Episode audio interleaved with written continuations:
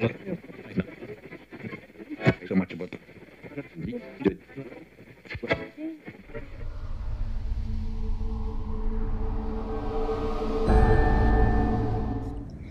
you're hearing the Justice Radio. Di episode kali ini, kita akan mendiskusikan terkait term yang sering digunakan, tapi mungkin penggunanya pun belum sepenuhnya paham apa sebenarnya maksudnya.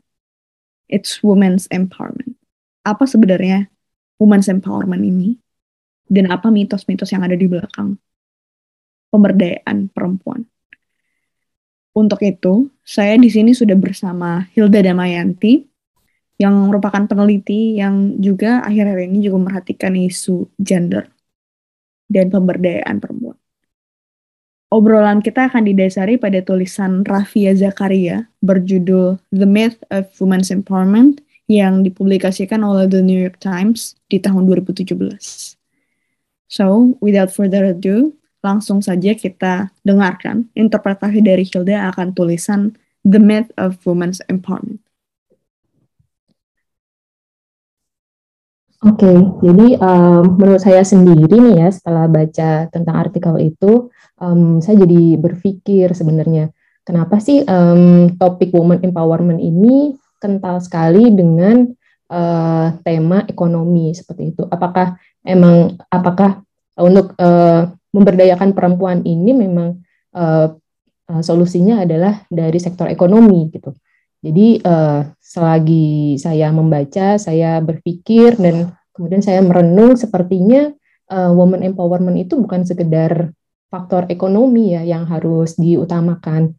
Um, di artikel itu juga disebutkan bahwa um, banyak hal-hal yang bisa didonasikan gitu kepada perempuan untuk mengempower mereka seperti uh, mesin jahit, kemudian um, mendonasikan uang untuk kemudian ditukar menjadi ayam dengan dalih bahwa hal tersebut bisa mengempower perempuan, bisa memberdayakan perempuan di bidang ekonomi. Tapi saya merasa itu uh, kurang tepat gitu karena um, apa iya perempuan itu um, di hanya di uh, dipentingkan um, ayamnya saja, hanya dipentingkan faktor uh, mesin jahitnya saja. Padahal uh, mungkin kehidupan perempuan itu lebih kompleks. Jadi tidak mungkin ada satu solusi yang benar-benar bisa memberdayakan perempuan. Tidak ada one size fits all solution gitu menurut saya.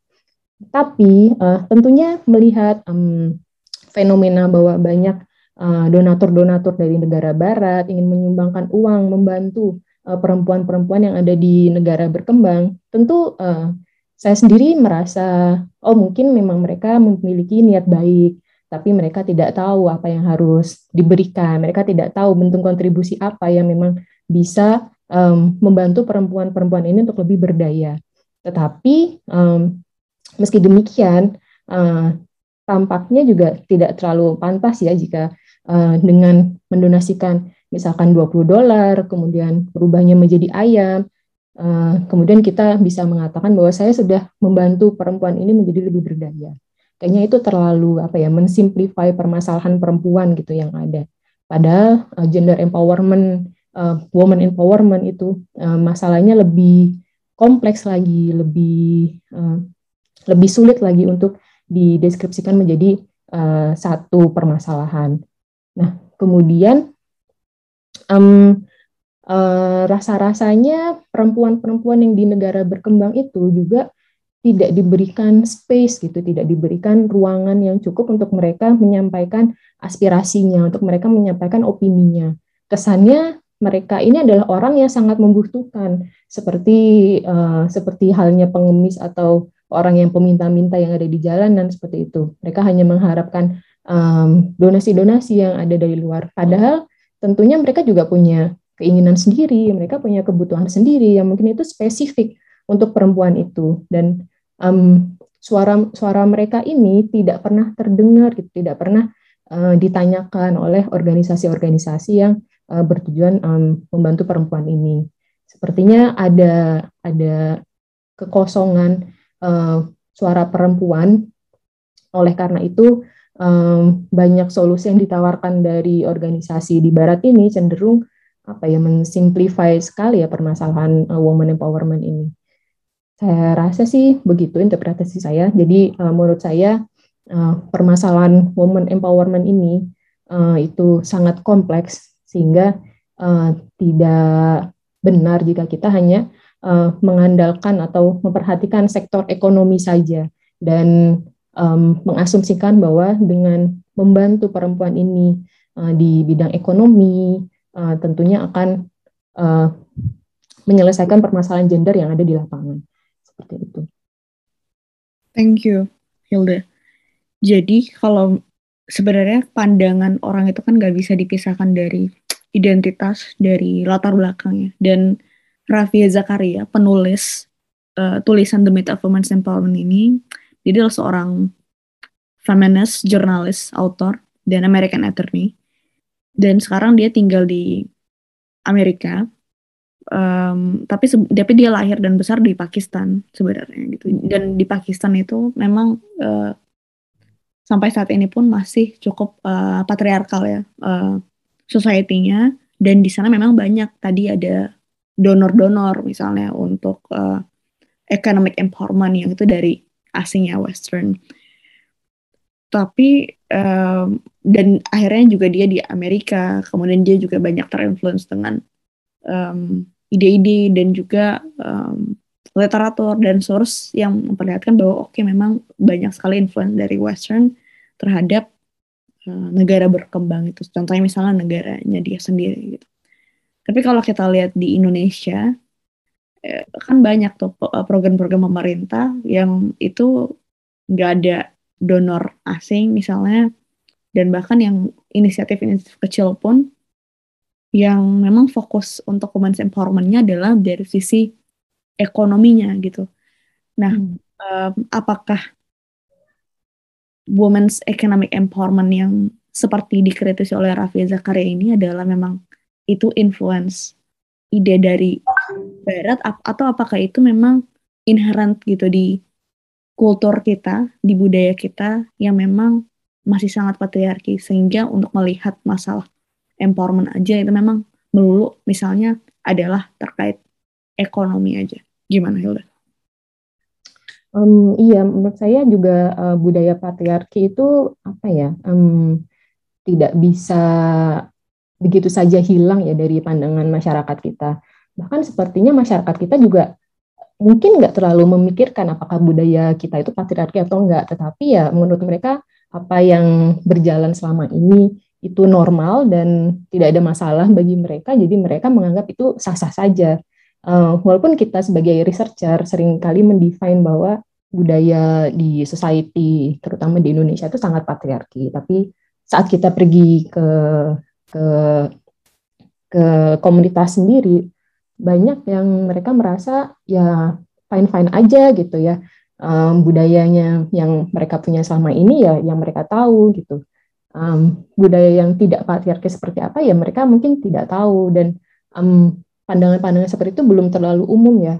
Um, jadi sedikit susah juga buat kita untuk merubah pandangan masyarakat terkait budaya patriarki ini tapi berkaitan dengan intervensi pemerintah di bidang sosial um, mengapa um, pemerintah ini fokusnya hanya bidang ekonomi itu menurut saya juga um, sedikit banyak um, terpengaruh dari riset-riset uh, yang ada di luar sana yang mengatakan bahwa jika kita mengempower perempuan maka perempuan ini bisa uh, mengempower atau memberikan apa ya memberikan penghidupan yang layak bagi anak-anaknya seperti itu mungkin um, menurut saya sih itu yang dipahami oleh pemerintah itu yang dipahami oleh orang-orang. Tetapi mengapa kita harus mengadres permasalahan perempuan ini yang yang apa ya tidak tidak cukup um, tidak cukup apa ya tidak cukup diskusi gitu di level pemerintah. Jadi karena pemerintah hanya mengetahui oh ini adalah solusi yang bagus kita harus memberikan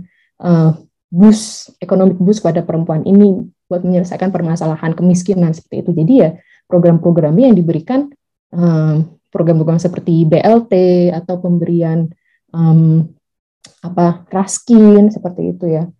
Um, jadi ya uh, menurut saya seperti itu sih karena diskusi mengenai permasalahan gender ini itu tidak terlalu uh, menyeluruh dan menyentuh akar permasalahannya. Jadi pemerintah ya simply melihat um, hasil riset yang ada saja gitu. Kemudian kita langsung terapkan, kita bikin program, kita salurkan bantuannya dan seakan-akan oh kita sudah melakukan hal yang benar. Padahal mungkin uh, permasalahan lain yang lebih dalam itu yang tidak pernah di, ditelusuri lebih lanjut seperti itu. Interesting.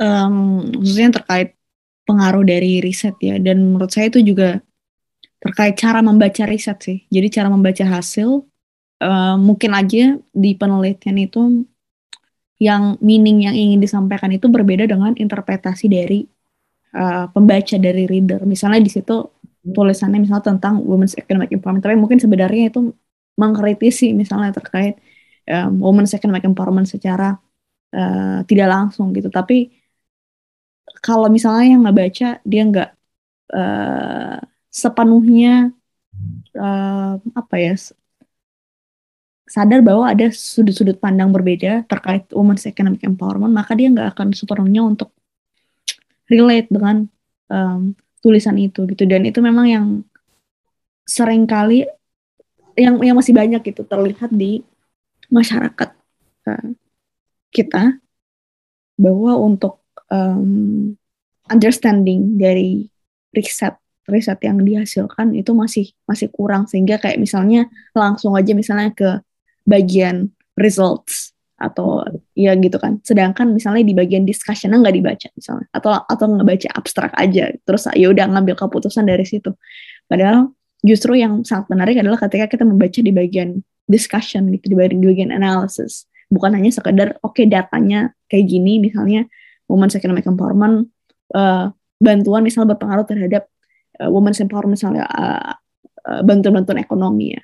Tapi karena di bagian analisis bisa aja si author menjelaskan hal yang berbeda, sudut pandang yang berbeda dari hasil yang disampaikan. Mungkin aja itu bukan the whole story dari tulisan ini. Gitu.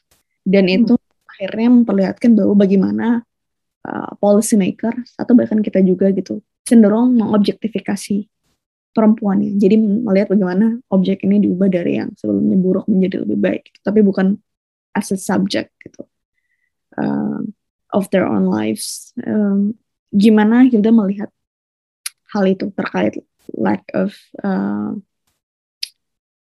apa ya uh, understanding of research findings?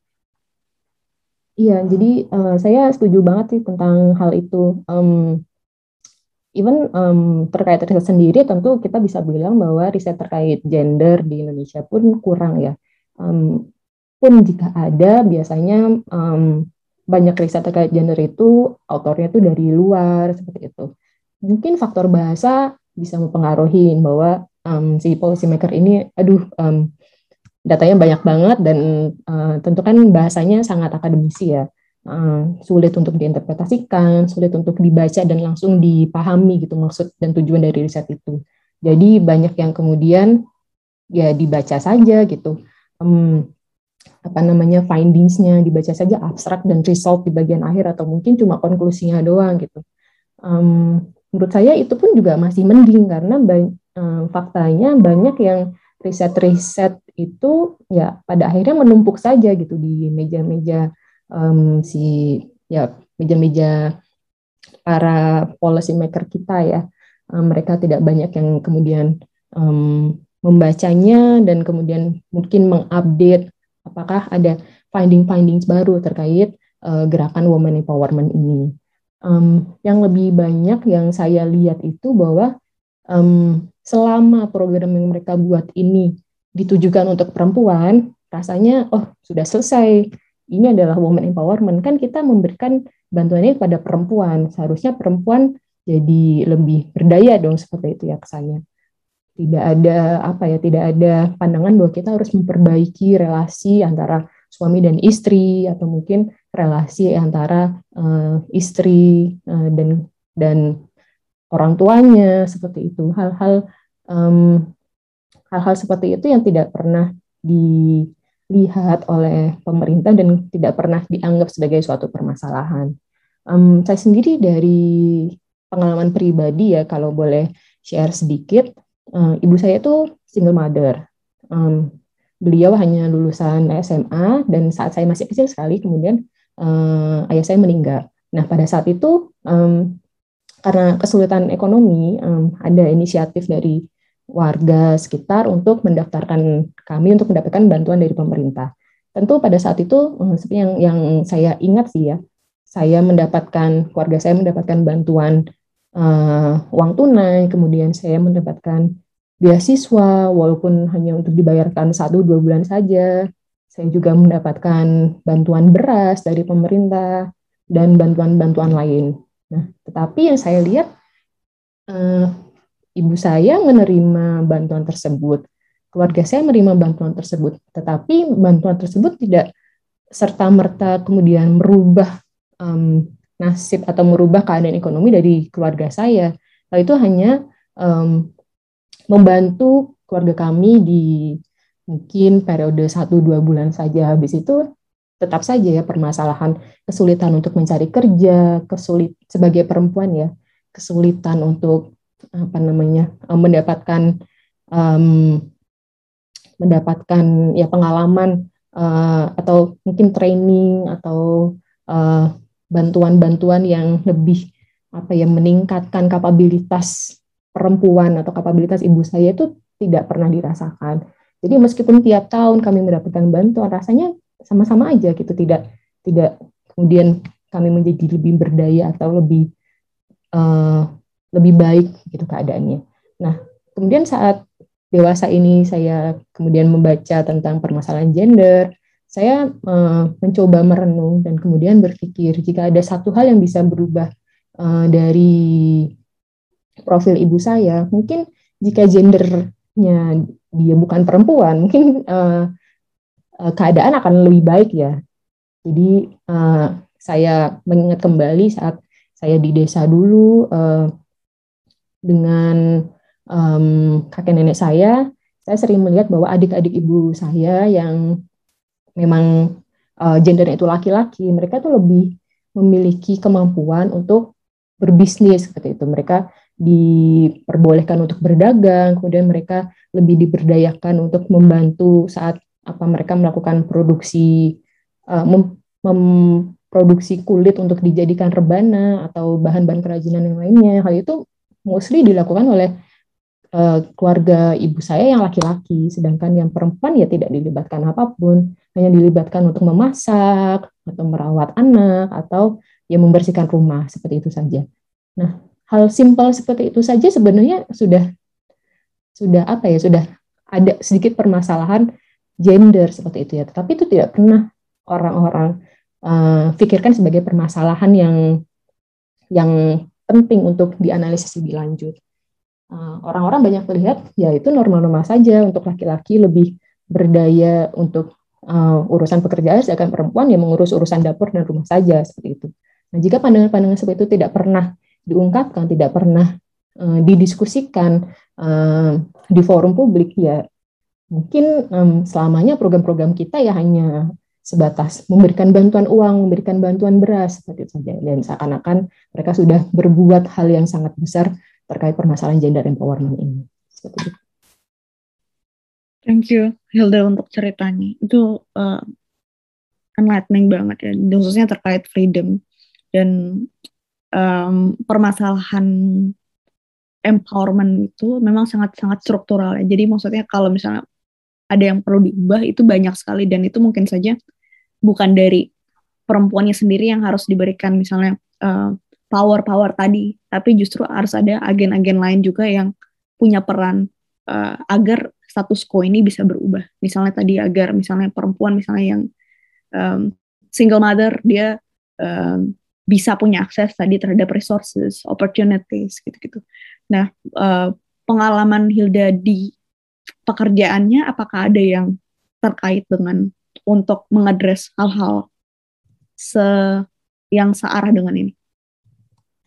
Um, iya, kalau dari pengalaman kerja saya sendiri, saya kebetulan melakukan riset terkait peran perempuan di sektor plastik ya. Jadi di sektor plastik ini kita melihat uh, dari uh, hulu ke hilir perempuan ini uh, memiliki peran seperti apa. Nah, di sini kita mencoba mendefinisikan bahwa perempuan itu di sektor plastik ini ada yang bekerja sebagai regulatornya, ada yang bekerja sebagai pebisnisnya, sebagai pekerja, eh, kemudian sebagai konsumen plastik dan juga sebagai um, apa ya aktor dari community service seperti itu ya.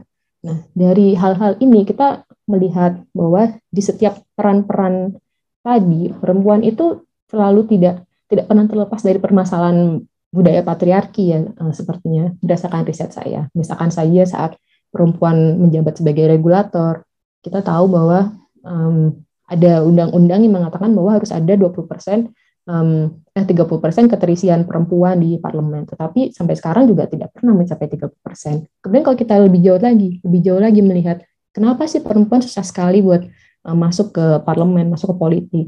Nah, salah satunya adalah perempuan uh, untuk menjadi kader partai atau kader politik ini tentunya perlu apa ya? Perlu perlu modal gitu, modal dasar yang sangat besar.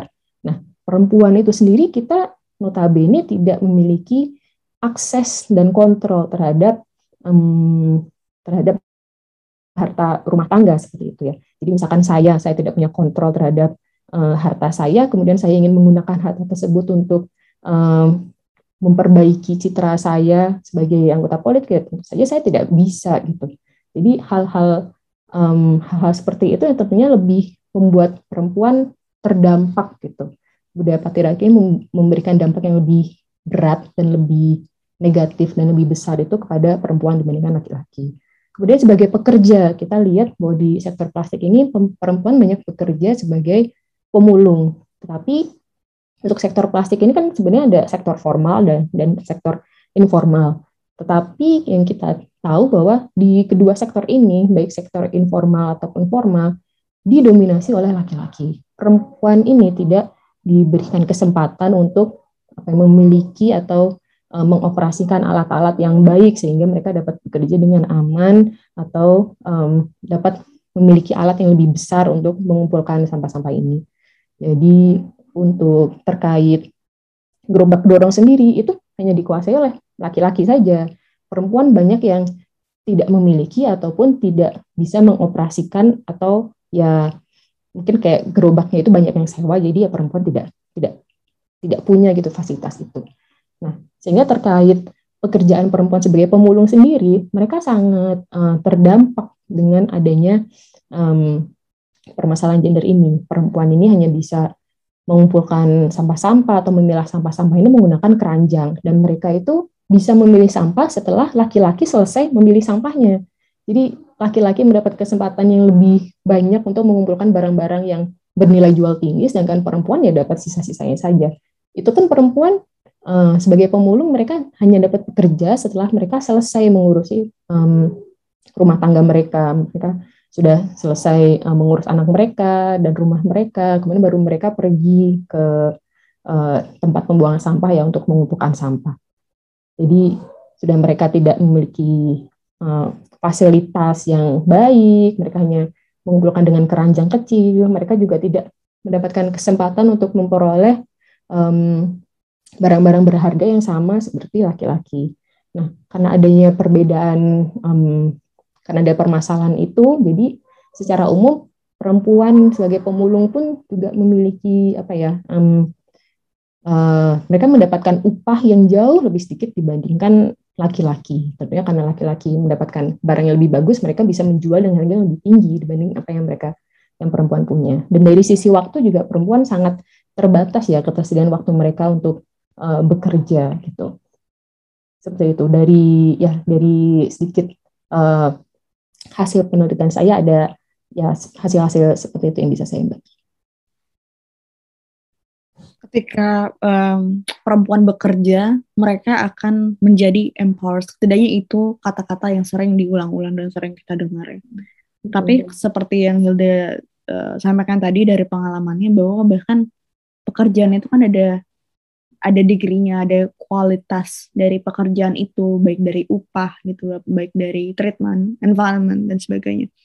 Dan mungkin itu yang membuat orang tuh menggaung-gaungkan entrepreneurship ya karena maksudnya ketika entrepreneurship agennya misalnya perempuan mereka punya kapabilitas misalnya dianggap untuk menciptakan um, upah mereka sendiri, pendapatan mereka sendiri yang itu tidak terbatas dengan misalnya gaji-gaji yang unfair misalnya. Um, nah,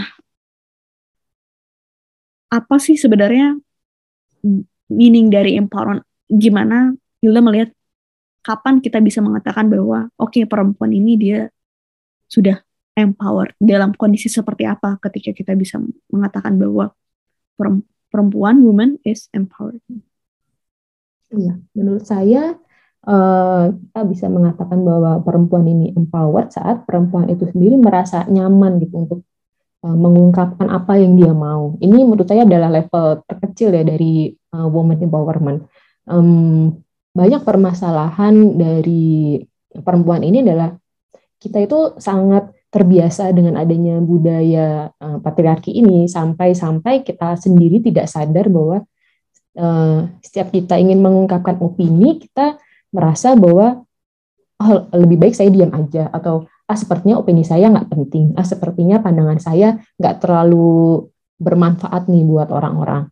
Ada hal-hal yang secara tidak sadar kita um, persepsikan ke, ke dalam diri kita sendiri ya. Itu pun sebenarnya sudah merupakan bentuk represi gitu dari uh, uh, sebagai identitas sebagai perempuan seperti itu. Nah, di saat perempuan ini sudah sadar bahwa kita memiliki hak yang sama untuk berbicara, kita uh, tidak uh, sepatutnya hanya diam saja. Kita suara kita juga matters kok gitu. Apa pun yang ingin kita sampaikan, kita berhak untuk berbicara, kita berhak untuk bersuara.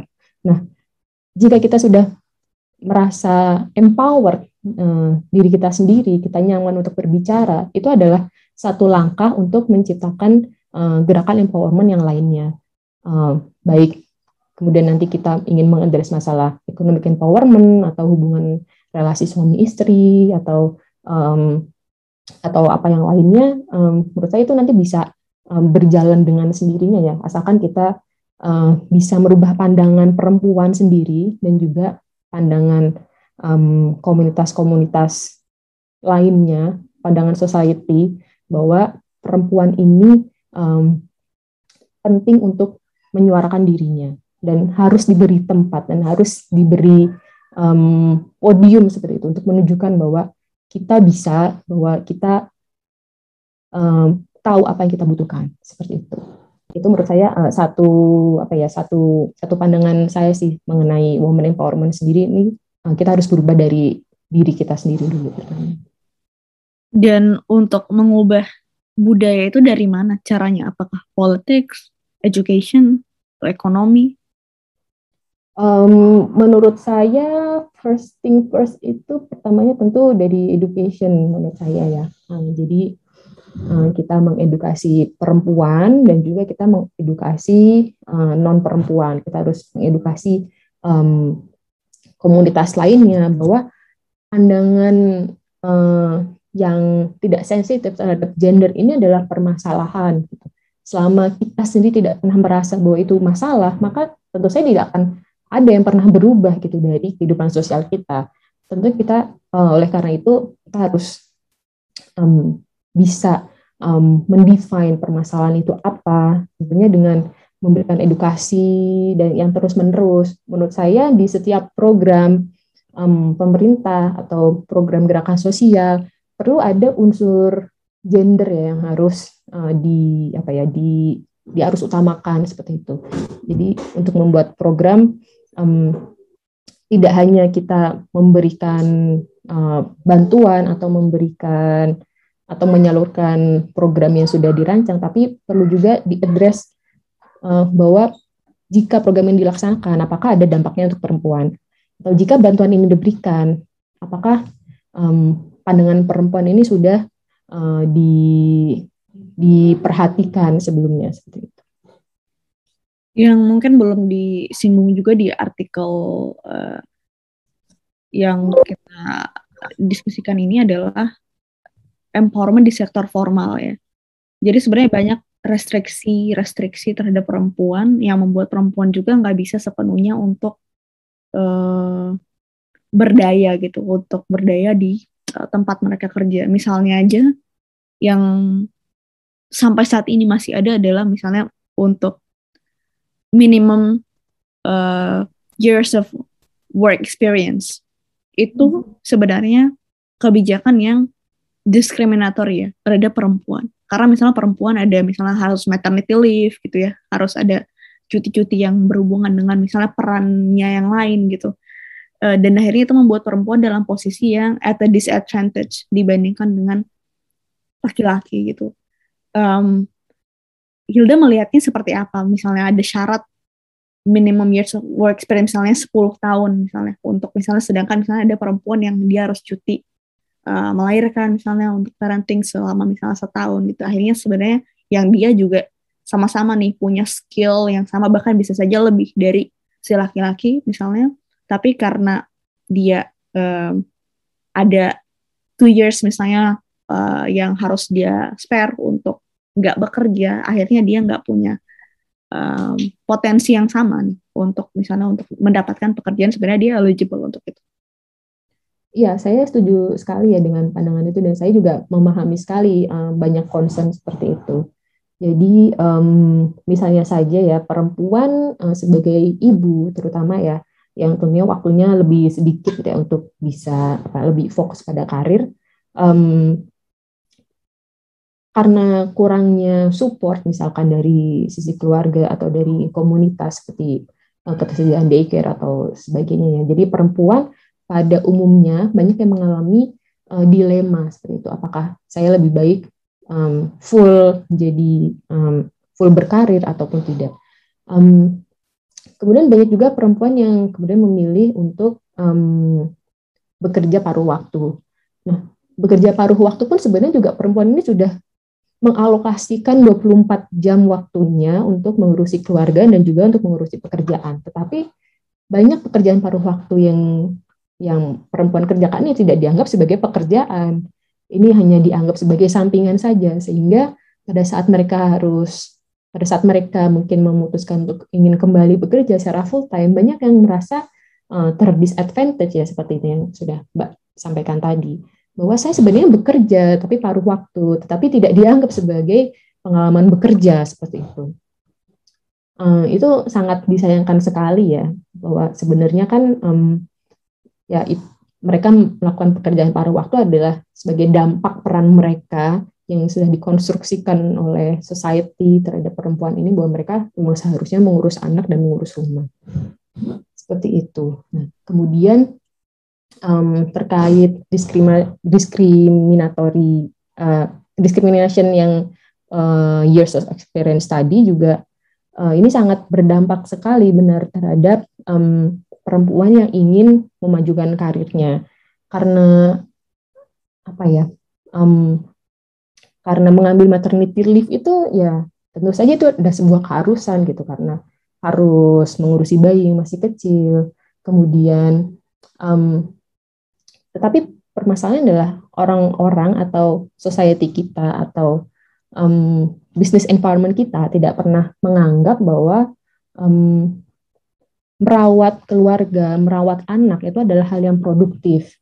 Padahal kan nantinya uh, anak ini yang akan menjadi penerus bangsa kita ya jika uh, perempuan sendiri tidak diberikan keleluasaan dan kemudian tidak diberikan jaminan bahwa saat mereka nanti kembali mereka tetap bisa berkarya seperti sebelumnya ya uh, banyak perempuan yang kemudian memutuskan ya sudah saya keluar saja dari uh, pekerjaan saya karena saya merasa tidak dihargai, saya merasa tidak diberikan kesempatan yang sama bersaingnya terhadap laki-laki yang tidak melahirkan, ya lebih baik saya mengurusi anak saya saja. Saya um, merasa hal seperti itu, fenomena-fenomena seperti itu banyak terjadi ya, terlepas apakah mereka memilih menjadi stay at home mom itu adalah uh, keputusan pribadi mereka, tetapi faktor-faktor eksternal dari lingkungan pekerjaan mereka tentunya sedikit banyak akan berpengaruh terhadap keputusan perempuan-perempuan ini untuk bergabung di sektor formal.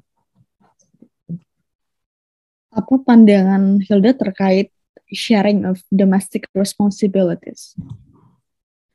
Um, saya merasa hal itu sangat penting sekali bahwa uh, domestic responsibilities itu ya kan permasalahan adalah domestik ya dan rumah itu juga dihuni oleh perempuan dan laki-laki oleh suami dan istri tentunya uh, responsibilities terkait rumah tangga itu harus di-share secara adil dan secara apa ya, secara uh, dan disepakati bersama gitu oleh suami dan istri itu.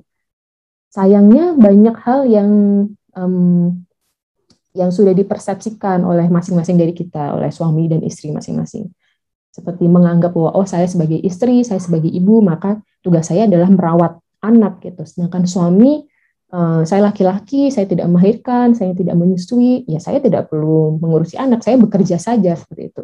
Nah, tentunya uh, perbedaan itu sendiri itu sudah sudah apa? Sudah tertanam secara secara otomatis gitu, secara di society kita. Jadi seperti kayak seperti tidak ada yang mengajarkan, tetapi orang-orang sudah berpendapat demikian. Padahal ya itu pandangan pandangan society yang kurang tepat ya, uh, karena tentunya ada permasalahan um, gender inequality di sini. Jadi um, selama uh, suami dan istri ini tidak pernah menyadari bahwa peran itu tuh sebenarnya adalah sesuatu yang dikonstruksikan secara sosial, bukan hal yang mutlak yang uh, diberikan kepada laki-laki dan perempuan.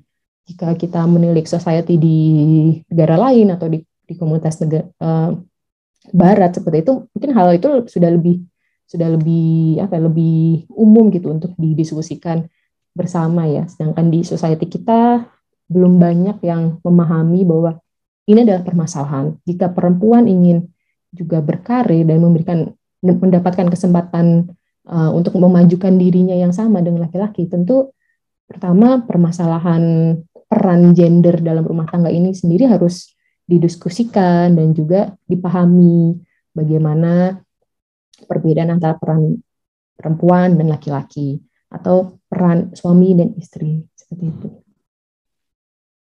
Yang menarik juga dari artikel ini adalah gimana dia mengartikulasikan bahwa women's empowerment itu bukan hanya isu ekonomi. Bagaimana Hilda melihat peran dari keduanya, ekonomi dan politik? Um, peran dari ekonomi sendiri um, menurut saya ya pasti sedikit banyak akan berperan ya terhadap uh, kesejahteraan perempuan. Tapi tidak serta merta kemudian kita bisa mengatakan uh, permasalahan gender empowerment ini solusinya adalah ekonomi. Itu banyak layer-layer selain ekonomi yang juga harus diutamakan seperti itu. Nah, peran politik adalah untuk memahami bahwa Eh, kementerian-kementerian yang sangat banyak ini, program-program yang sangat banyak ini, uh, seharusnya bisa lebih apa ya, komprehensif seperti itu. Harusnya bisa lebih menciptakan ekosistem yang mampu mengadres permasalahan dari banyak sisi. Sayangnya banyak permasalahan gender ini kemudian fokusnya hanya ekonomi semua. Semua kementerian um, merancang program ini hanya terkait ekonomi saja, memberikan bantuan saja, bantuan materi ya terlebih. Um, Nah, tentu agenda-agenda seperti ini harus dipush dari atas, dari pemerintahan kita. Nah, kalau pemerintahan sendiri juga tidak menyadari bahwa banyak layer-layer uh, terkait gender empowerment ini yang perlu ditangani, maka ya um, sampai nanti-nanti program-program yang dirancang oleh pemerintah ya hanya seputar itu-itu saja, hanya seputar uh, memberikan bantuan uang, bantuan raskin, atau bantuan tunai dalam bentuk apa pun seperti itu. Nah, jika program pengaruh utama gender ini tidak benar-benar dipahami, apa sih sebenarnya esensi dari pengaruh utama gender, ya uh, tentu sampai nanti-nanti juga kita akan jalan di tempat ya jika tidak pernah apa ya tidak pernah um, diprioritaskan oleh pemerintah kita. Dari pengalaman Hilda, apakah sempat ada kolaborasi lintas sektor misalnya untuk mengadres salah satu isu gender yang karena isu gender kan bukan hanya misalnya tadi uh, melulu masalah uh, entrepreneurial activities ya, tapi misalnya ada juga disinggung oleh Raffi Zakaria misalnya terkait pernikahan di bawah umur, uh, war widow gitu dan sebagainya. Ada nggak kolaborasi yang sempat dilakukan antara antar uh, institusi atau kementerian sektor? Uh, kalau dari saya sendiri uh, kebetulan uh, belum uh, untuk program-program seperti itu, tetapi um, dalam salah satu pekerjaan saya kami mengadres bahwa um, perempuan ini banyak diposisikan sebagai manajer rumah tangga yang mengurus plastik seperti itu. Nah, jika kita kemudian menggembor-gemborkan bahwa kita harus uh, mengurangi sampah plastik, itu secara tidak langsung sebenarnya akan semakin membebani tugas perempuan. Sudah perempuan tidak memiliki waktu untuk bersosialisasi, waktu untuk mungkin belajar hal-hal lain uh, di luar rumah tangga. Mereka harus dibebani um, tugas negara gitu untuk menangani permasalahan plastik ini. Nah, di terkait itu uh, kami berencana untuk apa ya, untuk menggandeng institusi-institusi lain gitu untuk lebih mengkampanyekan bahwa terkait penanganan plastik rumah tangga ini perlu adanya um, gender balance um, terkait uh, dalam program sosialisasinya. Nah, jadi tidak melulu pesertanya itu harus perempuan, tidak melulu petugas dari penanganan sampah rumah tangga atau sampah di komunitas di lingkungan sekitar kita RT RW seperti itu harus melulu perempuan. Perlu juga adanya dukungan dari laki-laki. Perlu adanya apa ya representasi gender yang lebih balance seperti itu. Nah, um, tentunya untuk melakukan hal ini kita tidak bisa berjalan sendiri karena untuk melakukan sosialisasi yang masif seperti itu perlu dukungan banyak pihak ya dan perlu apa ya banyak institusi gitu yang yang terlibat. Jadi kita mencoba reach out kepada institusi yang bergerak di bidang keagamaan. Kita mencoba um, reach out ke institusi yang ber, yang memang apa ya mungkin civil society seperti NGO seperti itu dan juga private private sector. Nah perlu ada pemahaman bersama bahwa uh, permasalahan gender ini memang bisa terjadi di sektor apa pun, uh, termasuk plastik juga, dan perlu ada pemahaman bersama bahwa ada permasalahan gender ini harus uh, ditangani dengan lebih bijaksana seperti itu. Pertanyaan terakhir, um, kita udah banyak bahas terkait economic power, political power. Apakah ada power lain yang sebenarnya juga harus kita perhatikan, harus kita usahakan untuk mencapai empowerment? Apakah ada overlook matrix of empowerment? Um, um, bagaimana ya? Um, matrix of empowerment itu sendiri sebenarnya tricky ya karena ya mungkin untuk satu komunitas matriksnya bisa berbeda dengan komunitas yang lain. Ada yang mengatakan mungkin pendidikan penting, tapi mungkin di komunitas lain pendidikan itu sudah menjadi salah satu faktor yang memang sudah diberikan gitu kepada perempuan. Jadi mungkin untuk komunitas kita sendiri ya selain economic empowerment uh, tentunya kita perlu juga mengadres apa ya um, um, apakah perempuan juga mendapatkan uh, opportunity yang sama untuk mengenyam pendidikan seperti itu dan apakah perempuan diberikan opportunity yang sama untuk mendapatkan akses kesehatan reproduksi seperti itu hal-hal yang tidak atau mungkin jarang sekali dipikirkan orang-orang bahwa itu penting bagi perempuan, tapi sebenarnya itu akan meningkatkan kualitas hidup perempuan yang sangat signifikan seperti itu ya terkait pendidikan dan akses kesehatan reproduksi seperti itu misalnya. Baik, uh, thank you Hilda udah bersedia untuk uh, ngobrol terkait mitos-mitos uh, women's empowerment dan apa aksi-aksi yang perlu kita uh, jalankan ke depannya untuk bisa sama-sama agar ada perubahan dalam paradigma women's empowerment ini sendiri. Um, thank you um, everyone dan sampai jumpa di episode selanjutnya.